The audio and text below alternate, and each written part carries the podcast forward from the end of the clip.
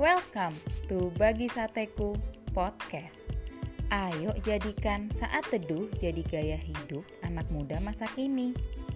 Topik saat teduh kita hari ini adalah menderita itu anugerah yang harus kita syukuri.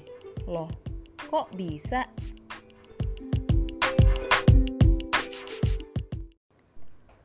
Kok bisa menderita itu menjadi sebuah anugerah dan bahkan harus disyukuri?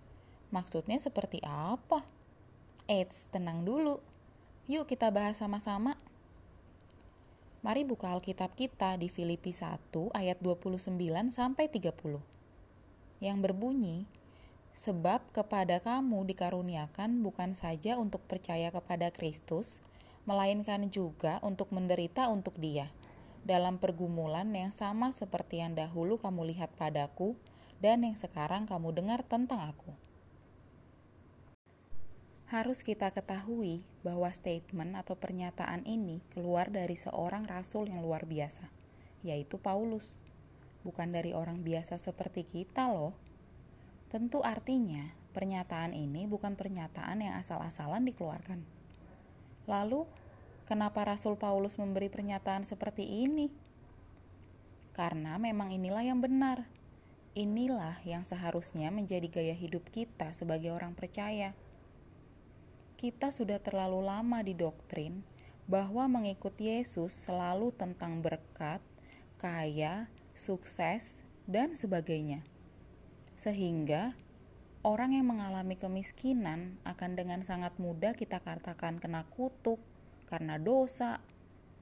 Padahal Rasul Paulus dengan jelas menyatakan, menderita untuk Yesus juga adalah sebuah anugerah yang harus disyukuri. Ingat, Tuhan gak pernah janji hidup kita selalu penuh berkat. Yang dia janji dalam segala perjalanan, dia selalu beserta.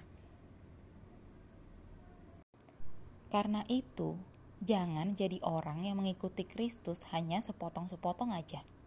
Atau cuma mau bagian-bagian tertentu yang menurut kita enak aja. Contoh, cuma mau pas berkatnya aja, cuma mau suksesnya aja, atau cuma mau kekayaannya aja. Pokoknya apa yang enak-enak aja deh. Sahabat sateku harus ingat bahwa sebagai orang percaya, kita harus siap mengikuti Yesus secara utuh. Tidak hanya bagian diberkatinya aja yang kita syukuri. Tentu seharusnya bagian menderita seperti Yesus dan banyak nabi serta para rasul alami pun harus juga kita syukuri. Mengikuti Kristus berarti siap menerima apa pun yang akan diberikannya.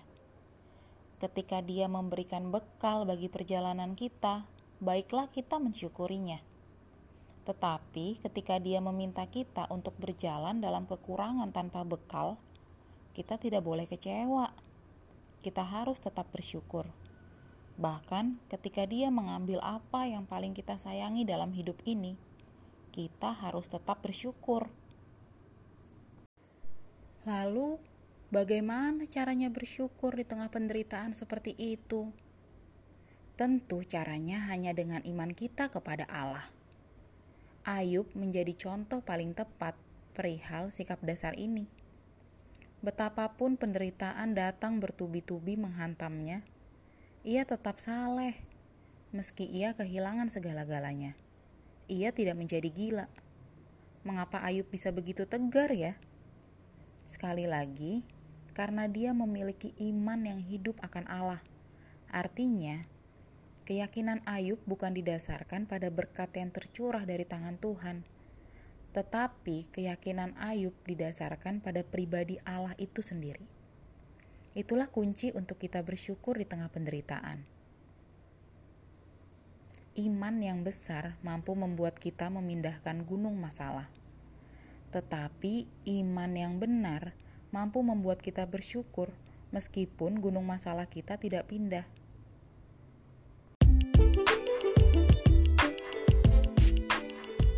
Oke deh sahabat-sahabat sateku, ayo sama-sama belajar untuk mengikuti Kristus secara utuh. Tetap semangat ya saat teduh setiap harinya. Sampai jumpa di saat teduh-saat teduh berikutnya. God bless you.